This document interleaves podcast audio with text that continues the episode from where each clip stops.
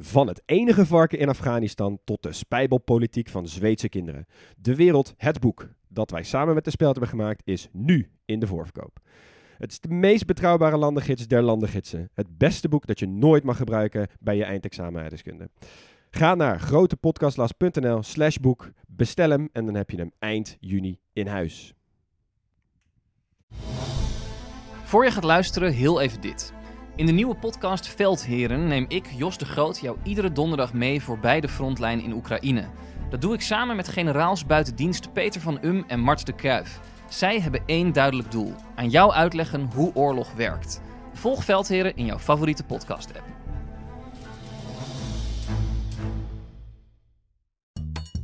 Twaalf afleveringen, twaalf provincies. Een reis langs bekende en minder bekende onderwerpen. Want zeg eens eerlijk, hoeveel weet jij van de provincies waar je niet vandaan komt? En nog eerlijker, hoeveel weet je van de provincie waar je wel vandaan komt? Een belangrijke vraag, want de provinciale statenverkiezingen komen eraan. Goede reden voor een bliksembezoek langs alle Nederlandse provincies. Nu geldt ons credo nog meer dan ooit. We zijn nooit volledig, maar wel origineel. Geen experts, wel liefhebbers. Welkom bij de provinciespecials van de grote podcastlas.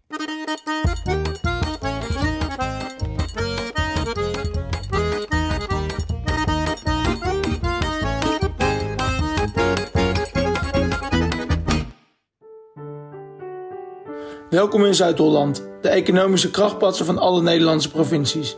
Wat waren we zonder de Rotterdamse haven en de Tweede Kamer in Den Haag? Waar zouden we zijn zonder de universiteiten van Leiden en Delft, de kaas uit Gouda en de bloemen van de Keukenhof? Zuid-Hollanders zijn recht voor hun raap, divers en altijd in voor een geintje. We hebben Rotterdam en Den Haag. In Den Haag vindt het gelul plaats en in Rotterdam zetten ze hun schouders eronder. Onder dat geouwe hoer lusten we wel een lekker haarsbakkie en een balletje met zalf. Maar genoeg daarover. Veel luisterplezier en de rozen. De roze. De rozen. Wat Nou, heerlijk. Ja, ja, Dit wa- was Haags, hè? ja, Ja. dit was Haags. Ja. Ja. je moet toch kiezen met, eh, met deze provincie. Nou, Ja. laten we dat als eerste disclaimer al meteen voorop stellen. Dit is denk ik de moeilijkste provincie en de zwaarste provincie waar we echt keuze hebben moeten maken in de onderwerpen die we aansnijden en welke niet. Ja, het is al heel lang het centrum van eh Nederlandse nou ja, cultuur, economie, politiek. Dan, dan, dan moet je kiezen. Ja, en Ja. heel veel mensen die misschien niet genoemd worden. Maar Er, ik- woont, er wonen ook meer mensen dan in menig land. ja, ja, precies. Ja. ik mis bijvoorbeeld in de intro mis ik al die Notzee van de Rotterdammers. Ja. Ja, die kan ik ook niet voor je doen. Nee, Nee, ja, jammer. taal ga ik die ook al niet behandelen. Dus ja, daar, daar ga je alweer met je keuzes. Nee. En wat is jullie gevoel bij deze provincie? Nou ja, ik ben weer even in dat eh, INO Research rapport gedoken over die provinciale trots. En jij en dat rapport. Ja, dicht onder Heb je mijn hem al kussen uitgeprint? Ik wil zeggen, ja. aan de muur. Nee, maar dat, eh, dat rapport zegt dus wel dat dit ook wel de minst trotse provincie is van Nederland. Ja, Dus waar mensen het minst trots zijn op hun provincie. ja waar Ja. ligt dat aan, denk je? Ja, toch relatief veel steden, denk ik. Veel verstedelijking. En dat Ja. mensen dan eerder trots zijn op hun stad. Ja, en op Ja. de regio denk ik ook waar ze... Je hebt natuurlijk Westland, Bollenstreek, eh, nou, alles rondom... eh, Goeree. Ja, Goeree, inderdaad. Ja, hele kenmerkende regio's ook. Ja, En jullie persoonlijke idee? ja, ja, ik- ja. ook meer aan steden gerelateerd dan aan de provincie. Ja, Ja, ik- net als met Noord-Holland en Gelderland is natuurlijk ook een provincie van streken. Ja, dus nee, niet zo heel veel feeling met Zuid-Holland als provincie. Nee, ik ook niet per se, nee. Wel in sommige steden heel veel geweest. Maar ook wel delen waar ik echt nog nooit geweest ben. Nou, de cult- cultuurschok die je aan kan gaan als je bijvoorbeeld... Ik ben wel eens in Monster geweest, in het Westland. Ja. Zijn jullie daar wel eens geweest? In die Ja. hoek van, eh, van Nederland? Nee, ja, Hoek van Holland, maar dat ligt, ligt, Er weer aan de andere kant ja. eigenlijk. Ja, en eh, zeg maar die cultuurschok die je hebt van... als je van Monster naar bijvoorbeeld Rotterdam gaat... Nou, dat kan Ja. bijna niet groter. Terwijl Ja. eh, op de kaart van Nederland valt het best mee hoe ver het van elkaar ligt. Ik snap Mhm. nog, er ligt nog wel wat een en ander tussen, hè, maar... En Leiden is dan weer een, een stad van een totaal De andere orde. Nou, Ja, ja. ja. nou, precies. Veel te bespreken, jongens. Nou, dan beginnen we ook meteen even. Waar ligt Zuid-Holland? Nou, voor de meeste mensen misschien niet echt een verbazing, maar het ligt in het westen van Nederland. In het westen grenzen ze dus ook aan de Noordzee.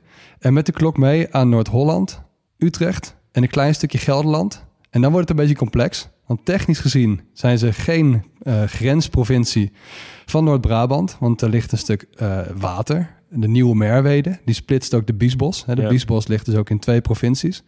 En daarna wordt het Hollands diep. En dan kom je bij wat eilanden, ten zuiden van Rotterdam eigenlijk, waarvan de drie belangrijkste zijn Goeree-Overflakkee, daar hebben we hem. En twee eilanden dus die echt onder Rotterdam liggen, eh, de Hoekse Waard, met ook de gemeente Hoekse Waard. En Voorne Putten, meer naar het westen. Met als meest voorname plaatsen uh, Spijkenisse, Brielen en Hellevoetsluis. Ja. Dus dat allemaal hoort bij Zuid-Holland. Ja, waarbij Goeree Overflakkee in heel veel kaartjes voor het gemak maar eventjes bij Zeeland getrokken wordt. Ja, nou bij deze voor, uh, voor eens en altijd. Qua oppervlakte, het is de vijfde provincie van Nederland. Scheelt ook niet veel met Samoa. Oké. Okay. Al een mooie vergelijking hier. Dan heb je aantal inwoners 3,7 miljoen. Nou, dat is de provincie met het meeste inwoners. En Ja. ook het dichtstbevolkste provincie van Nederland. Ja, ja. Hoofdstad Den Haag.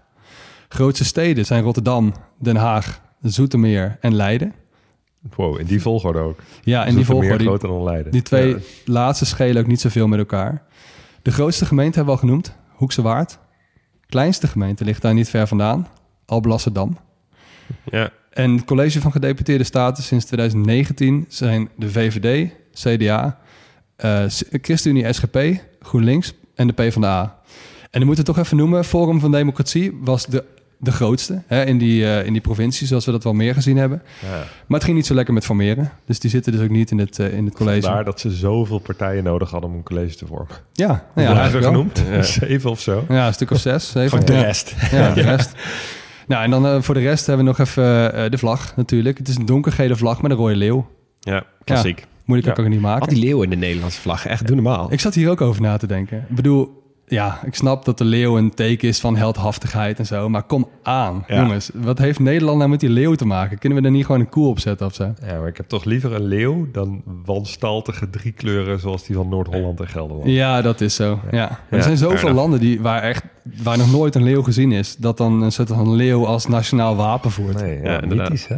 Ja.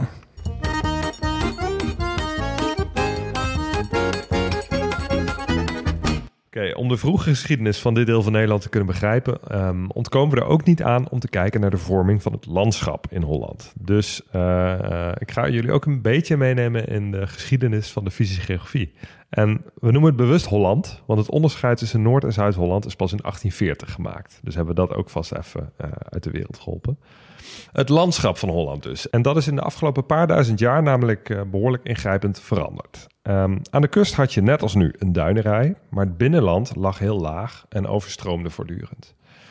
Eh, bijvoorbeeld door de Rijn, die vroeger anders liep dan nu. Eh, waar nu de Oude Rijn loopt, was toen namelijk de hoofdstroom van de Rijn. En dat was dus ook de noordgrens van het Romeinse Rijk.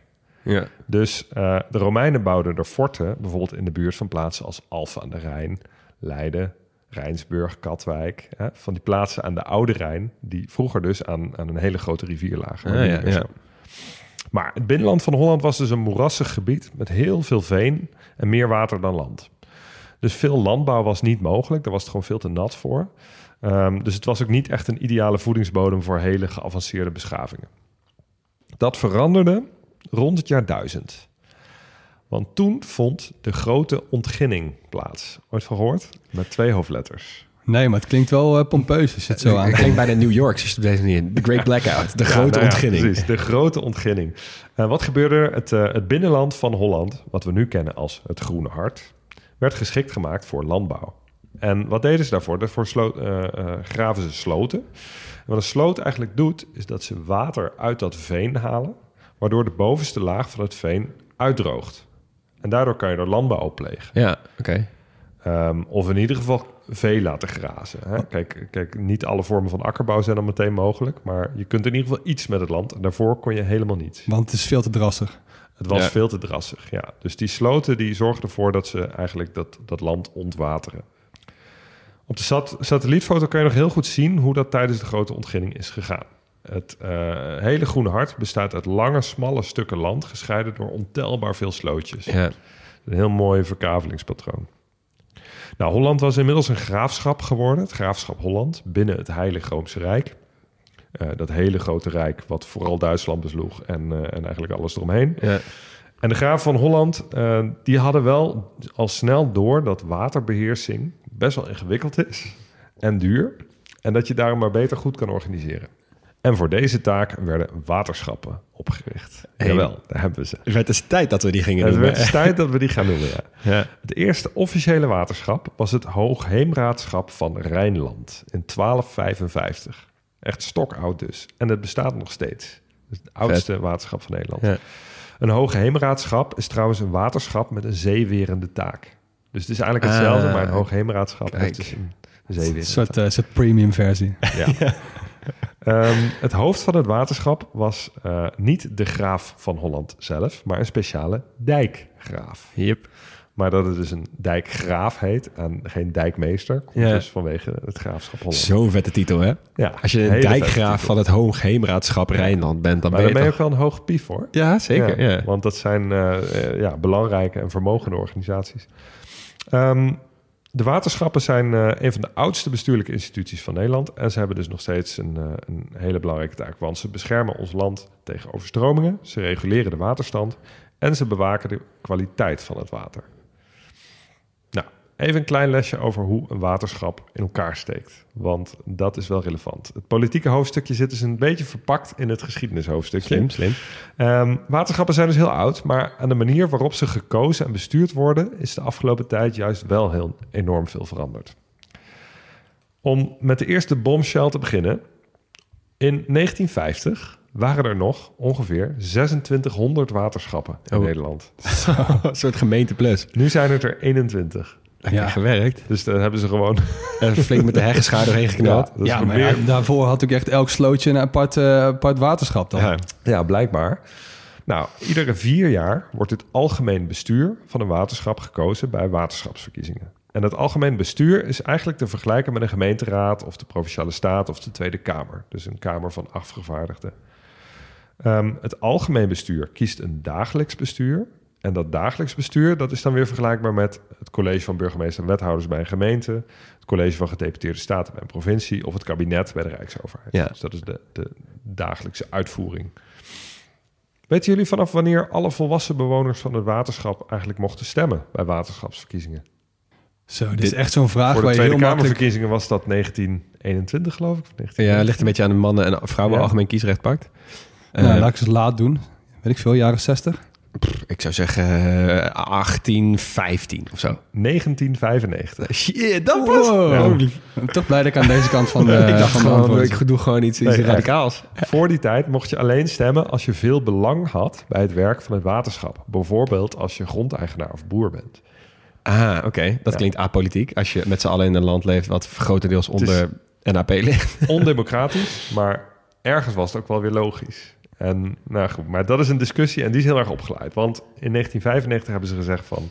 iedereen moet hierop kunnen stemmen. Ja, terecht. Ehm, althans, op een deel van de zetels. Want een ander deel van de zetels bleef voorbehouden aan vertegenwoordigers van de landbouw, natuurorganisaties en het bedrijfsleven.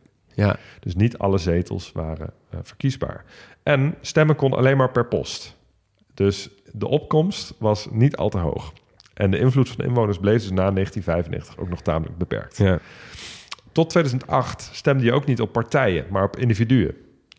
Dus je wist ook niet zo goed bij wie je moest zijn met je stem. Nee, het is niet alsof de Nederlandse gemiddelde stemmer nou echt eventjes goed ervoor gaat zitten om te kijken van wie die voor het hoogheemraadschap naar voren wil schuiven. Dat is bij partijen al lastig zat, laat, Ja. laat staan met, met individuen. Nou, eindelijk vanaf 2015 hoef je niet meer per post te stemmen. En worden de waterschapsverkiezingen tegelijk gehouden met de provinciale statenverkiezingen. Dat is dus heel nieuw. Volgende week dus.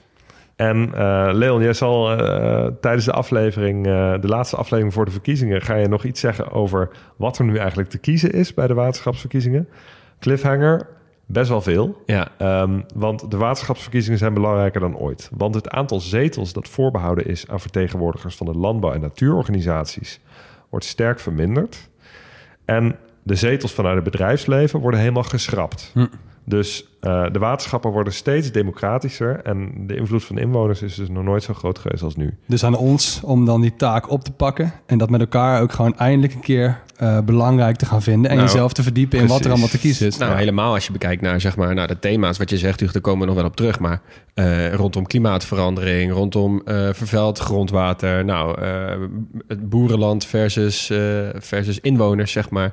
Ja. dat zijn allemaal wel dingen die gaan de komende jaren heel veel meer belangrijk worden. Ja, klopt. De taak van het waterschap blijft belangrijker. Het, krijgt andere prioriteiten, maar, hè, of andere focus. Maar, ehm, maar ja, evengoed een superbelangrijk instituut voor, eh, Ja. voor ons land. Nou, goed. Terug naar het graafschap Holland, na de grote ontginning. Ehm, de bevolking groeide Er ontstonden steden waar handel werd gedreven. Dordrecht was de eerste met stadsrechten in 1220. Best wel laat dus, eh, want ja, in deze periode lag het economisch zwaartepunt in Nederland echt nog rond de Hansensteden lang- langs de IJssel, waar we het eerder over hadden, de aflevering over IJssel. Maar Holland werd dus wel steeds belangrijker. Den Haag, Rotterdam, Leiden, Delft en in Noord-Holland natuurlijk Amsterdam. Ehm, dat waren steden die, die in de eeuwen daarna echt steeds belangrijker werden. Dus het primitieve Holland veranderde in een geavanceerde beschaving. Rond 1600 was Holland misschien zelfs wel het economisch zwaartepunt van de wereld. En in die periode werd Holland ook de bakermat van het moderne Nederland. En daarbij moeten we het natuurlijk ook even hebben over Willem van Oranje. De vader des vaderlands. De vader des vaderlands. Geboren in het graafschap Nassau in Duitsland. En dus van Duitsen bloed. Hey. Hij heette ook eigenlijk, eigenlijk Wilhelm. Ehm, en op 11-jarige leeftijd erfde hij het prinsdom Orange in Frankrijk. Vandaar Oranje Nassau. Oké. Eh, weten we ook weer waar dat vandaan komt. En Willem werd legeraanvoerder in dienst van keizer Karel V van het Heilige Roomse Rijk, waar Holland op dat moment dus nog deel van uitmaakte. En die kennen we van de aflevering Gelderland. En Brabant. En Brabant. Duitsland. En, en wat dan niet meer. Ehm, en in die hoedanigheid belandde Willem in Nederland. Waar hij bevelhebber werd van het eh, keizerlijk leger in de Nederlanden. En in 1555 werd de zoon van Karel V, Philips II, heer der Nederlanden. En een jaar later volgde hij zijn vader ook op als koning van Spanje. Dus dat waren toen dezelfde vorsten. Ja. En ehm Ja, je Philips kon dat, tegelijkertijd koning van Spanje zijn en keizer van het Roomse Rijk. van Nederland. Ja, hij was dan, die Philips was dan geen keizer van het Heilige Roomse Rijk. Oké. Ehm, dat werd dan weer iemand anders, maar hij eh bekleedde wel de functie van heer der Nederlanden. Oké, oké, Ja. check. En Philips was nogal een fanatieke katholiek. En ehm, eh, de Nederlanders, die joeg hij daarmee flink tegen zich in het harnas. En Willem van Oranje was dus oorspronkelijk in dienst van Philips. Maar besloot al tamelijk snel om eh, zich aan te sluiten bij de opstandelingen. Nou, daar is de tach- 80-jarige oorlog eh, van de eh, opstandelingen begonnen tegen de Spanjaarden. Dit is niet het moment om die hele oorlog te belichten. Ehm, maar ook in Zuid-Holland is heel hard gevochten. Ik noem even de inname van Den Briel door de watergeuzen. eh, en natuurlijk het Leidens ontzet.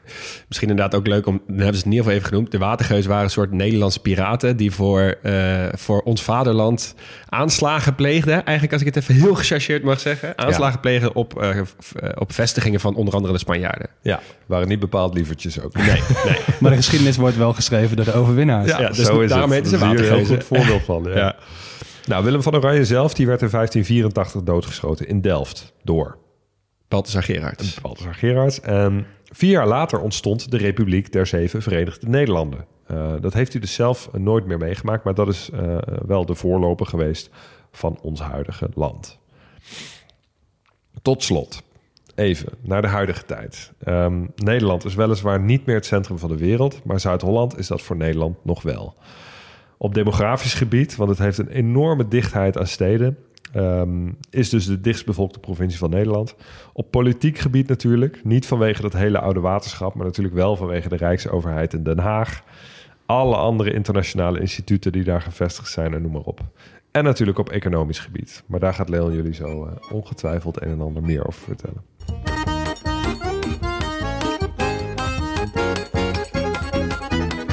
Ik begin dit hoofdstukje met een Nederlands record. Namelijk het laagste punt. Oh, Weet, ja. weten jullie waar dat is ongeveer? Is dat de Zuidplaspolder? Ja. Dat is de Zuidplaspolder. Lekker bezig, Hugo. Ja, het is een weiland niet in hoeveel meter onder NAP. 6,76 Oh, meter. dankjewel. Ehm, dat is een beetje in de buurt van Nieuwekijk aan de IJssel. Hij ligt een beetje ten noordoosten van Rotterdam, zeg maar. Een beetje tussen Rotterdam en Gouda. Eh, dus dat is het laagste punt eh, van ons land. Eh, verder gaat ook dit hoofdstukje eh, vooral over het water. Want als er een provincie echt los van Zeeland heel erg betrokken is bij het water... eh, dan is het ook inderdaad deze wel heel terecht dat je de waterschap hebt behandeld hier. Toerisme en de fysische geografie zijn dus ook een beetje verweven met elkaar. Ehm, en dat komt, ik begin eigenlijk ook weer in dit geval met een stukje geschiedenis. Ik was net even bang dat je hem voor mijn voeten ging wegmaaien, maar heb je gelukkig niet gedaan.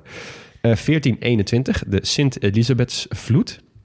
Heel belangrijk geweest in, de, onze vaderlandse geschiedenis.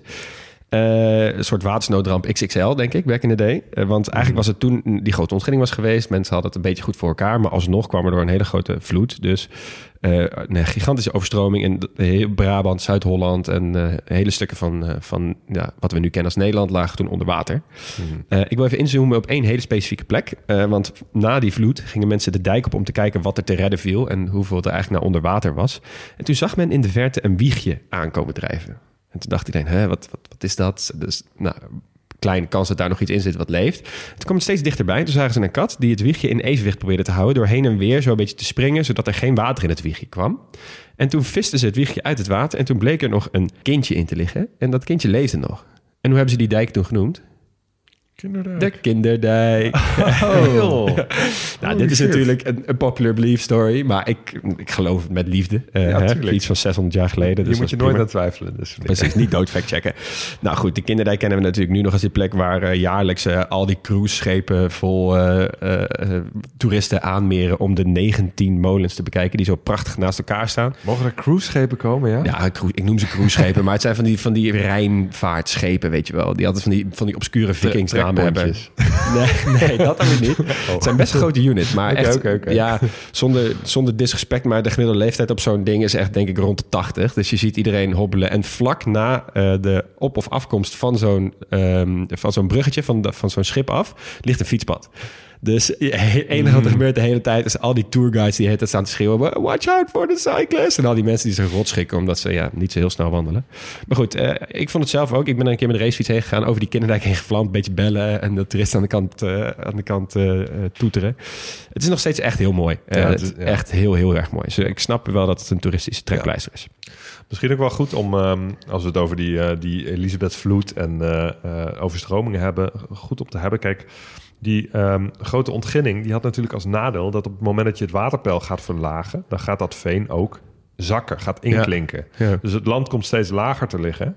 Bovendien, die overstromingen, die waren natuurlijk niet handig, maar die brachten wel telkens eh, nieuw slip aan, waardoor het land eigenlijk automatisch eh, op hoogte bleef Ja, en op het moment dat, dat je gaat bedijken, ehm, eh, dan voorkom je die overstromingen. En dan voorkom je dus eigenlijk ook de natuurlijke balans waarbij het land door overstromingen wordt opgehoogd. Ja, Dus dat maakt eigenlijk dat Zuid-Holland na die grote ontginning eh, en na het aanleggen van dijken eigenlijk alleen maar kwetsbaarder is geworden. ja. Ja. Ehm, maar er is nog iets gebeurd met die Elisabethsvloed. Namelijk eh ten zuiden daarvan ehm, ontstond er een ondiepe binnenzee. Ehm, waar dat was verbonden met de open zee via allerlei stromen en geulen. En dat trok dus heen en weer met de getij van het water. En dan heb ik het over De Biesbos. de Biesbos. Ja, we hebben het even aangestipt in Noord-Brabant. In eh, West-Brabant ligt natuurlijk eigenlijk een van de mooiste gebieden van heel, eh, heel Nederland, als je het mij vraagt. Ehm, maar het ligt inderdaad, zoals jij zei, eh, precies op de grens. En eh, soms kan het verschil tussen eb en vloed in de Biesbos oplopen tot wel 80 centimeter. Dat komt dus omdat het water van de Rijn en de Maas door de Biesbos via het Haringvliet naar de zee stroomt. Maar bij vloed wordt ditzelfde water weer terug die rivier opgestuwd en gaat het water dus weer omhoog. Dus zo heb je dus eigenlijk eb- en vloedwerking in een binnenmeer, wat best, ja, best uniek is. Eh, daardoor heb je ook natuurlijk ontzettend divers landschap, heel veel dier- en plantsoorten. Bijvoorbeeld de bies. Weet je wat de bies is? Een bies? Nee. Dat wist ik ook niet. Geen idee. Nee, een bies Een vogel, is dus, denk ik. Nee, een bies is dus gewoon een gewas. Gewoon een soort stengel die tot drie meter hoog groeit. En zich ook bijzonder goed leent voor bijvoorbeeld vlechtwerk. Natuurlijk vooral vroeger. Dus die hele kenmerkende dingen. Je vindt het in heel, heel veel plekken in Nederland. Maar Een soort riet. een soort riet. Ja. Ja. nou, een bies. Dus daar komt ook de naam biezen vandaan. En daar een heel biesbos van. ja, precies. En het uithangsbord van de biesbos is natuurlijk Eh, de bever. de bever, uiteraard. Grootste knaagdier van Europa. Eh, hij was helemaal uitgestorven in Nederland omdat erop werd gejaagd, omdat hij pels eh, zo lekker warm houdt. Maar ze hebben opnieuw uitgezet in Nederland, of in de Biesbos zelfs, in 1988. Eh, en nu vind je ze op meer plekken in Europa. En ik vind de bever echt een leuk dier. Ehm, sowieso, als je, als je hem ziet, zeg maar, ik heb hem eigenlijk alleen nog maar in de dierentuin gezien, nooit in het wild. Maar als je hem ziet, vind ik het al grappig hoe die zwemt. En dan het kopje boven water en dan die staart en die gigantische tanden. Maar ook hoe ze leven. Want ze leven dus in een hele kleine familie. En eh, die zijn altijd met z'n tweeën. Want bevers zijn dus monogaam. Dus als ze elkaar gevonden hebben, blijven ze de rest van hun leven samen. En de jongen die ze hebben, die blijven dan een aantal jaar bij de familie. En die gaan dan ook zorgen voor de nieuwe nage, Oh ja. nieuwe kindjes. Ja. Dus zo heb je eigenlijk een heel gezin van bevers die altijd bij elkaar leven en op die manier eh, zichzelf eh, ja, in stand houdt. Wat een gezellig dier. Een gezellig dier, toch? Ja. Een eh, leuk feitje over de bever. Het leefgebied van de bever wordt nauwgezet gemarkeerd met een geurstof. En die spuiten ze uit via een speciale klier bij hun anus. En dat heet bevergeil.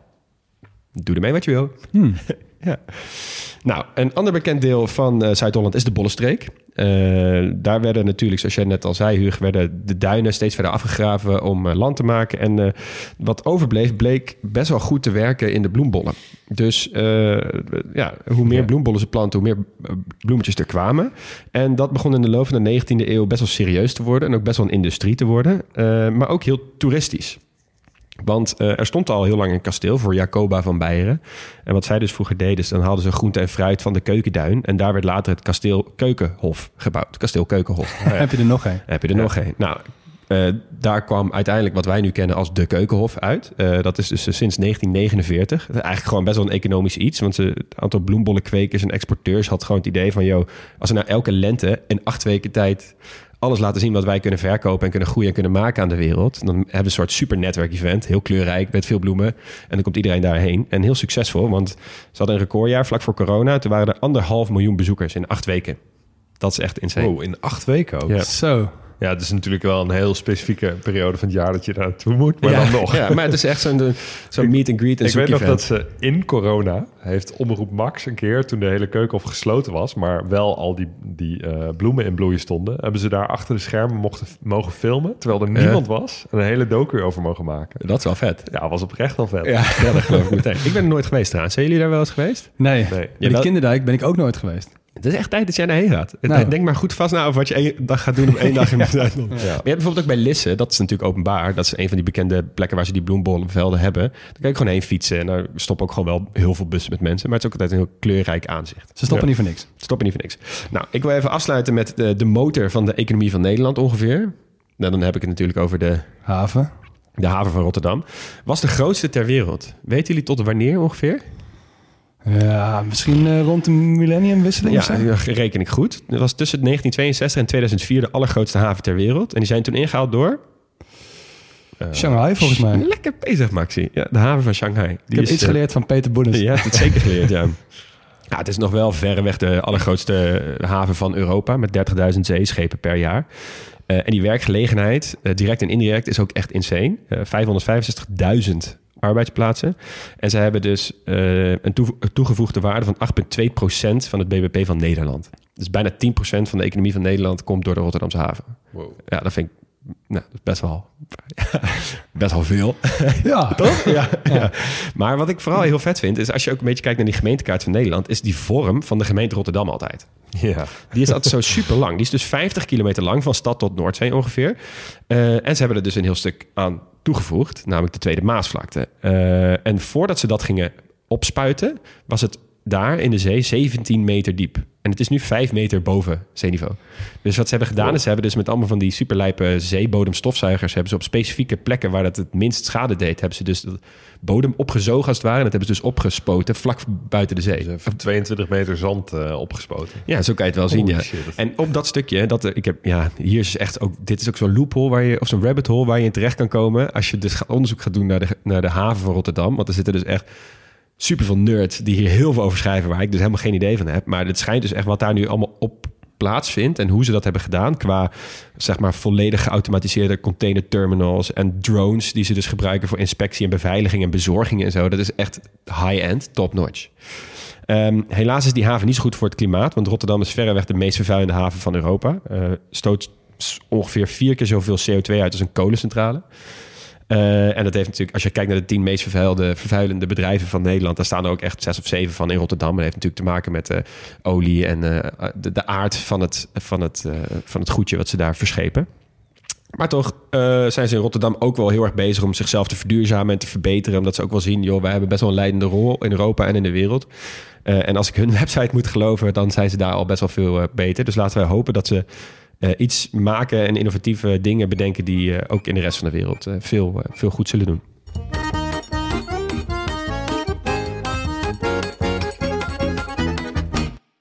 Nou, dan ga ik even door met kunst. En er is een heleboel te vinden natuurlijk in een provincie als Zuid-Holland. En eh, jongens, ik ga Ik even voel beginnen. vooral een heleboel Hollandse meesters aankomen. Ja, dat heb je helemaal goed. Daar ga ik inderdaad ook mee beginnen. De, de grote Hollandse meesters. En ik garandeer jullie daarna dat ik ook een van de grootste cultuursprongetjes ga maken... die we tot nu toe in de provincie specials hebben gehad. Oké, ik ben benieuwd. Ik begin met de, de Hollandse meesters. En ik begin even in Delft met Johannes Vermeer.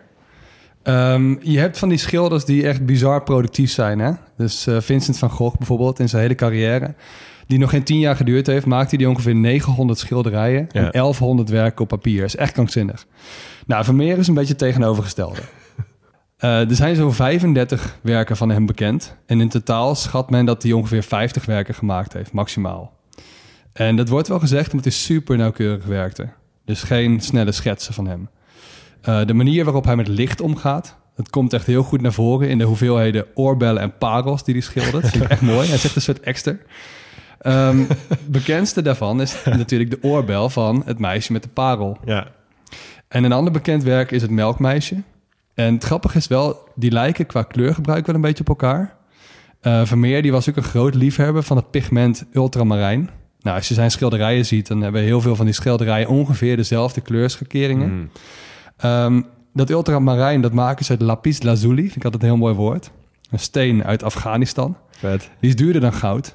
Oké. Nou, daar maakt hij heel veel gebruik van. Het is echt zo'n mooie kleur blauw.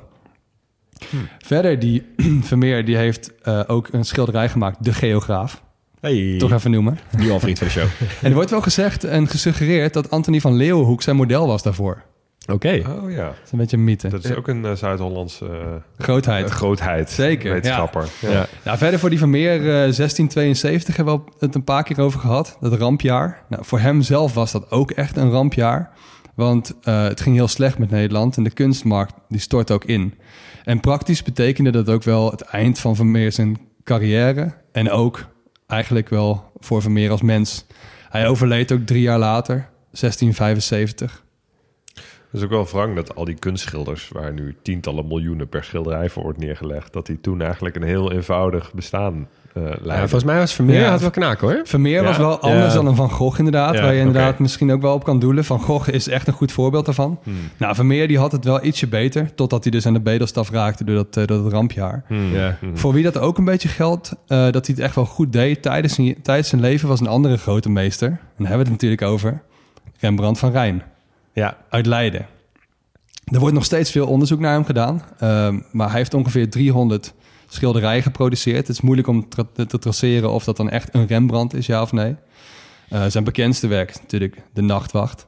Met afstand het bekendste ook wel. Ligt, of, eh, hangt in het, eh, in het Rijksmuseum. Ja, ik al hem best wel veel over gehad. Ja, ik ken hem vooral van al die zelfportretten. Die, hij maakt toch vet veel zelfportretten. Super veel zelfportretten. Ja. Ja. Was hij een beetje ijdel of zo? Want hij gewoon geen opdrachtgever. Dacht hij, fuck Ja, ik heb ook een ets gezien van hem... waarin hij zichzelf als zelf, eh, zelfportret heeft getekend. Ja. Echt waanzinnig.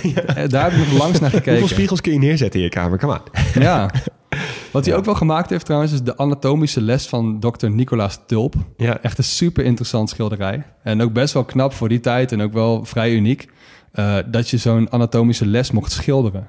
Met alle menselijke gevoeligheden van dien, zeg maar. Ja. Ja. Ik moet hem wel nageven dat op, op de meeste van die zelfportretten schildert hij zichzelf nou niet per se heel erg knap of zo. Ik bedoel, hij Nee, neemt ook gewoon- wel zijn, zijn eigen gewoon heel realistisch. mee. Heel realisme. realistisch, ja. Ja. Ik vind trouwens wel, ik heb dus bij deze dingen, die anatomische les van, eh van Dr. Tulp, die hangt in het Mauritshuis in Den Haag ook trouwens. Mhm. Ehm, eh, maar ik heb bij dit soort dingen, ik herken ze wel. Eh, nu ken ik ze wel, want we hebben het er niet over gehad. Maar elke keer als je die dan ziet in een, in een museum, als je dan in één keer tegen het lijf loopt, dat is toch wel een beetje alsof je een, weet ik veel, een soort zeldzame Pokémon tegen het lijf loopt. Dus je denkt, wow, oh wow, hier hangt hij. Oh, dit is hem. Dat, Ja. Ja. dat is een heel raar gevoel, omdat je hem een paar keer hebt langs zien komen in, weet En ik ook veel. als je hem echt ziet, dat het toch wel meer gaat leven dan al die plaatjes die je kunt zien op internet. Ja, ja. Dus ja, je moet precies. gewoon echt naar die musea toe eigenlijk. Ja, Ik en moet in- eerlijk zeggen, ik ben groter fan van het werk van Vermeer dan van Rembrandt. Maar dat komt misschien ook omdat ik er zelf technisch gezien niet zo heel veel kennis van heb. Eh, van Gogh, nou ja, hebben we het over gehad. Daar zijn we ook wel groot fan van. Ja, dat is mijn natuurlijk wel een hele andere periode ook. Ja, andere, en een hele andere stijl. Een paar honderd jaar tussen. Ja. Nou, ik ga snel even door naar de moderne tijd. En dus ook, jongens, ja, toch, het is toch Zuid-Holland en er komen heel veel mensen vandaan. Dus sorry, Anouk, sorry Direct, sorry Gold Band, sorry Ronnie Flex. en met pijn in mijn hart ook sorry Bassie en Adriaan. Oh nee, Uit die had ik wel verwacht van jou. Ik ook. Ja, het is toch wel het duo dat mijn reisdrift ook het meest heeft aangewakkerd, denk ik, na mijn ouders. En, en, ja, en heel geografisch. En heel Ja. geografisch. Nou goed, ik zag pas dat ze... Dus een website, er is een website die per eh, aflevering van Bassie en Adriaan... alle locaties die ze bezoeken op kaart hebben geplot. Nou, Ja, die zet wel even op de website. zetten we ook wel even als tipje. Ja. Ik ga één band toch wel even draaien. En natuurlijk, de Golden Earring. Yes.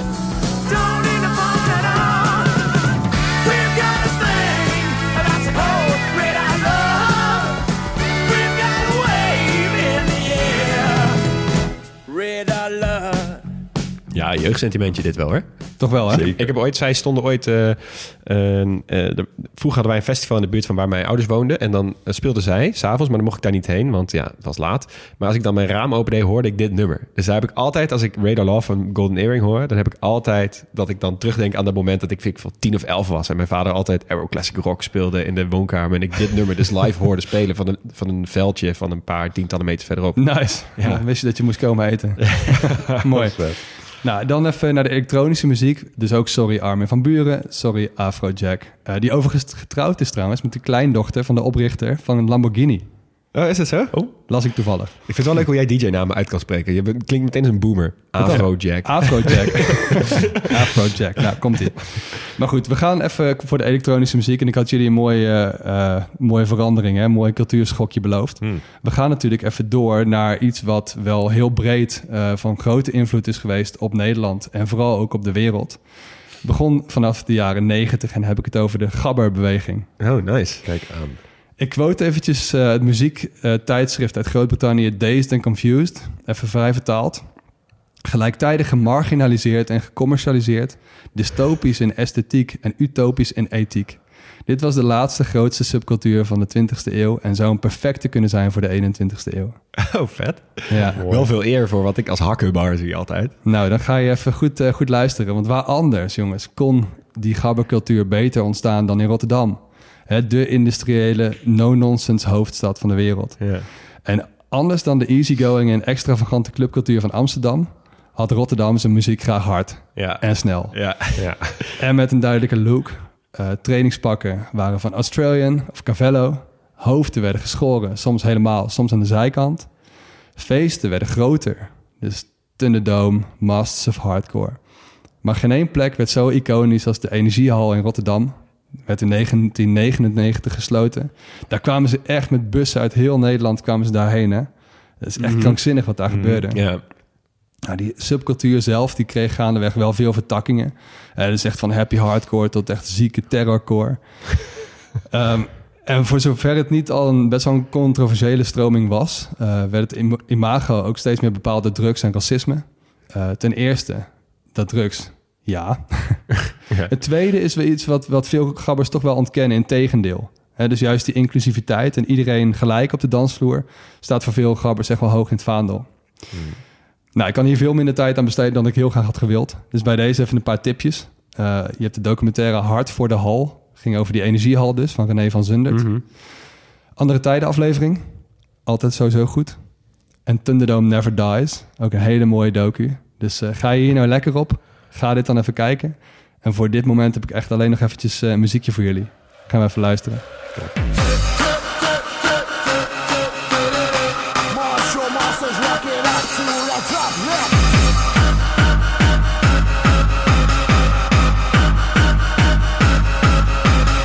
Oh, naar wie luisteren? Marshall Masters met Don't Touch the Stereo. Ik moet bij... dit soort muziek is een beetje mijn, ja, mijn blinde vlek in de hele muziekwereld, denk ik. Maar Ja? bij dit soort dingen moet ik dus altijd denken aan Scooter. Ja, maar dan eh, doe je het eh, genre wel een beetje tekort. Ongetwijfeld. en ik weet zeker dat er nu een aantal luisteraars zitten te luisteren met schuim op hun, op hun lippen van wat de fuck zeg je nou, Scooter? Nee, Ja. ja. maar dit, ja, wij waren, ik kom uit 88, dus dit, tegen de tijd dat dit een beetje hip was, was ik ja 11, 12. Dus ik ken het vooral van die hakkenbar, happy hardcore, eh, always hardcore. Ja, dat is toch zonde, want het zijn toch een beetje de persiflages op het wereldje. En eh, ook die Ja. hele wereld van happy hardcore, daar is die wereld dus helemaal niet zo blij mee. Ja. Nee, dat is waar. En dat is inderdaad wel de kant die, die wij kennen. En dat was al op een studentenfeestje werd er al, op een gegeven moment, dan konden men, sommige mensen konden dan hakken. En dan Ja, altijd op, ja. op de Paul L. straks van deze wereld. En Ja, ja, precies. Charlie Ja. No Noise. Dus ja. het was of Ja. de, je, je kende de, de, de happy versie, maar ik heb ook wel echt hele duistere terrorcore met, eh, nou ja, op Ja. zich, nou ja, dat was echt een hele andere richting. Ja, zeker. Ik kan er altijd wel naar luisteren, maar dat, ja, ik ben ook sowieso wel fan van de iets extremere muziekstijlen. ja, dat is waar. ja. Nou, dan even over naar de keuken. Want we hebben het in Alkmaar niet over de kaas gehad, dus dan gaan we de andere kaasstad maar even benoemen, Gouda. Je bedoelt Gouda? Ja. ja, ik vind de Goudse kaas toch altijd een beetje wat Toyota's voor auto's is. en de Earl Grey onder de thee smaken. Het is gewoon zo'n alleskunner. Ja. Je kunt er gewoon alles mee. ja daarom is hij zo populair Het internationaal is niet de meest exotische, de meest extravagante, maar het is wel een hele veelzijdige kaas. Overigens Ja. zijn er in Gouda geen kaasfabrieken. Eh, maar komt die naam dus vooral omdat Gouda gewoon een handelscentrum was voor de kaas. Oké. Dat geldt niet voor een andere uitvinding trouwens, de stroopwafels. Stroopwafel. Die komen wel echt uit Gouda. Oh, lekker.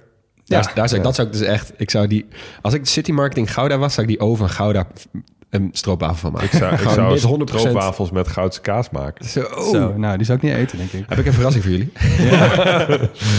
Wat wel leuk is trouwens, die- het grappige, die, die kaas. ehm, sinds de 2010 heeft de EU het een beschermde regionale aanduiding gemaakt. Eh geldt dus, het moet in Nederland gemaakt worden met Nederlandse melk.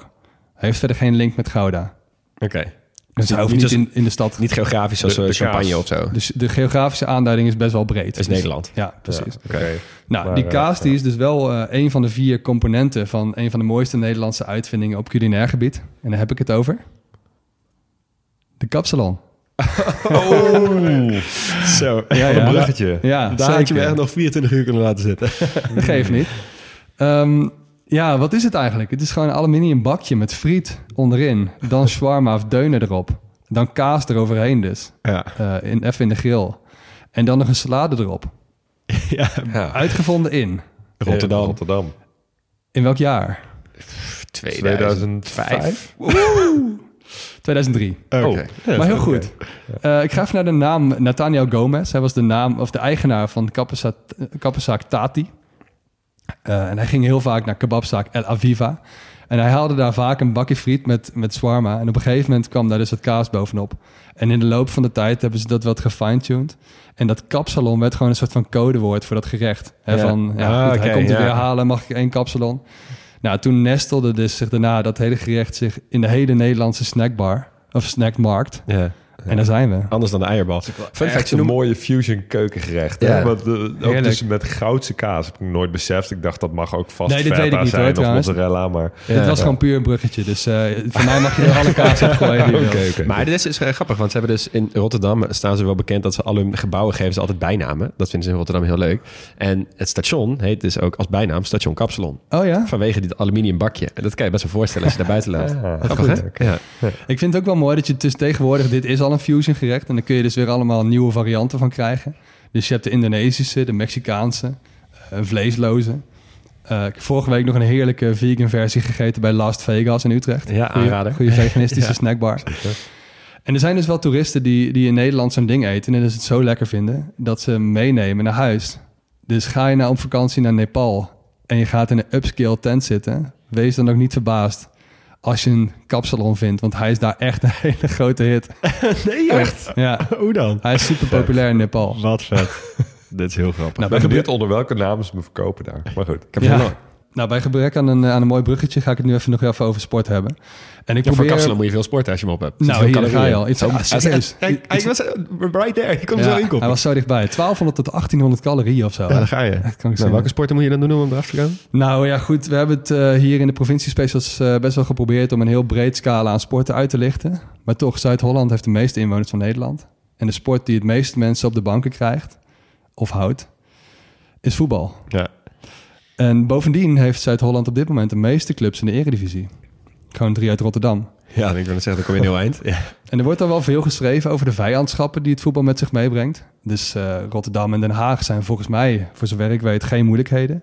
Maar binnen de stad Rotterdam wel. hè. Je hebt de enige stadderby van Nederland.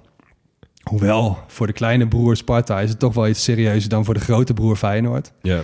Sparta trouwens ook oudste betaald voetbalclub van Nederland. En dan heb je natuurlijk nog Excelsior. Nou, de grootste clubs, Feyenoord en Den Haag uit, uit Zuid-Holland, hebben toch vooral aan de stok met Ajax. Ja.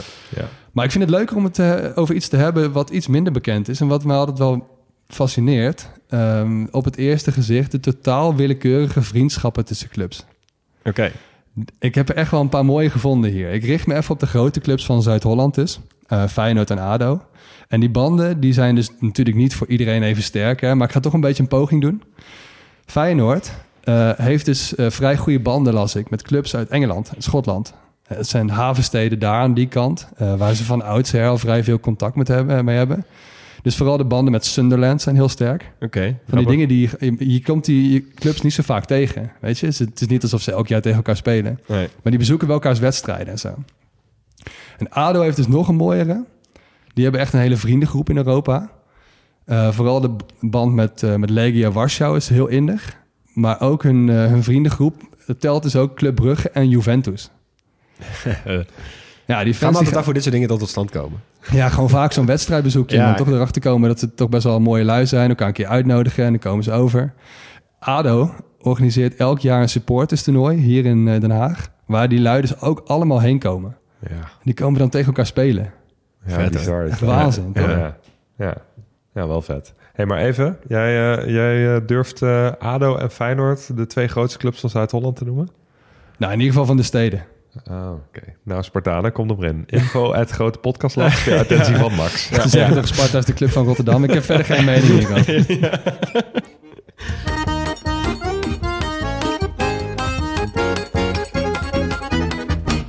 Nou boys, ehm, wat gaan we doen? Eén dag in Zuid-Holland. Deze dag. listige provincie. Eh, ik ga naar Gouda. Gouda? Ja, Gouda. Want in Gouda heb je bijvoorbeeld heel veel mooie glas- en loodramen. En dat vind ik altijd super knap, hoe ze eh, glas kunnen brandschilderen. En ik ben er wel ooit geweest, maar al heel lang niet. En eh, mijn vader zegt heel vaak van, oh, Gouda is zo mooi.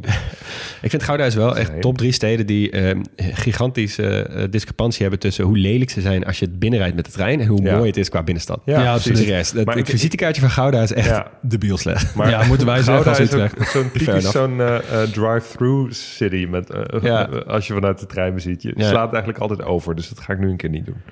Eh, ik ga het contrast opzoeken. Want ik ben nog nooit bij Kinderdijk geweest. Ja. Dus daar wil ik toch een keer heen. Al die molens op een rijtje zien en kijken of het de hype waard is. En dan rijd ik daarna door naar toch wel een van de meest fascinerende stukken van Nederland. Niet wat iedereen zegt dat het mooiste is, maar ik ga altijd zo lekker op die Rotterdamse haven. Ja. Oh, ja. Op al die kleine bedrijfjes die eromheen zitten. En het gekste wordt er gemaakt en verhandeld. Ja, ik ga daar gewoon rondrijden en kijken waar ik naar binnen mag. Maar ook gewoon al die grote silo's en die, die hele grote terreinen waarvan ik niet eens weet wat ze er allemaal verhandelen. Daar ga ik heen. Ja. Maar als je Kinderdijk uitkomt, zou ik ook even gaan lunchen in Dordrecht. Want dat is ook echt een fascinerend mooie stad. Ja, het is wel een leuk stadje. Ja, helemaal eens. Eh, ja, ik ga hem ook eh, splitten tussen stad en platteland. Eh, ik ga naar Delft. Want daar ben ik eigenlijk nog nooit echt goed geweest. En daar ligt toch wel een beetje het hart van de Nederlandse geschiedenis natuurlijk. Hè? Als je in ieder geval Hollandse geschiedenis moet ik zeggen. Voordat alle mensen uit eh, Gelderland, Friesland en Limburg mij ook eh, verzoeken tot rectificatie. En alle oranjes liggen er begraven. Nou, daarom. Dus we kunnen daar nog even, even, even koekeloeren. Eh, maar daarna wil ik eigenlijk eh, het liefst s s'nachts nog eventjes richting Westland. Om eens even te kijken hoe die glastuinbouwlampen Wow. ons hele landschap verlichten. Want je hebt daar dus ook nog iets dat heet de glazen stad. En dat is eigenlijk gewoon basically alleen maar gewoon glastuinbouw. Gewoon ja, een soort van de achtertuin van Nederland. Leon, Waar- ik vind het ook eigenlijk een schande dat je het bij economie niet over de glastuinbouw hebt gehad. Dat is toch de, hè? Toch de Ja. trots van de Nederlandse landbouw. Van de, van de het is echt ja, super mooi. Maar super ja, vooruitstrevend, super productief. nooit volledig wel origineel. Je hebt het over de geschiedenis ook niet gehad over bombardement op Rotterdam. Dus eh, tijd voor het afsluiten aflevering. Ja, is oké. Daar gaan we mee afsluiten. Heel erg bedankt voor het luisteren naar dit hoofdstuk van de kleine podcastlas. Je hoorde Leon Boelis, Max Gertsen en Hugo Noordman. En Jonas van Impe, die doet voor ons de eindmontage. We zijn nooit volledig, wel origineel, geen experts, wel liefhebbers. Hebben we iets verkeerd gezegd of zijn we iets cruciaals vergeten? Volg ons en laat het weten via Twitter of Instagram op @grotepodcastlas. En kijk zeker even op onze website grotepodcastlas.nl. Aanstaande donderdag reizen we door naar Flevoland. Ja toch, niet dan.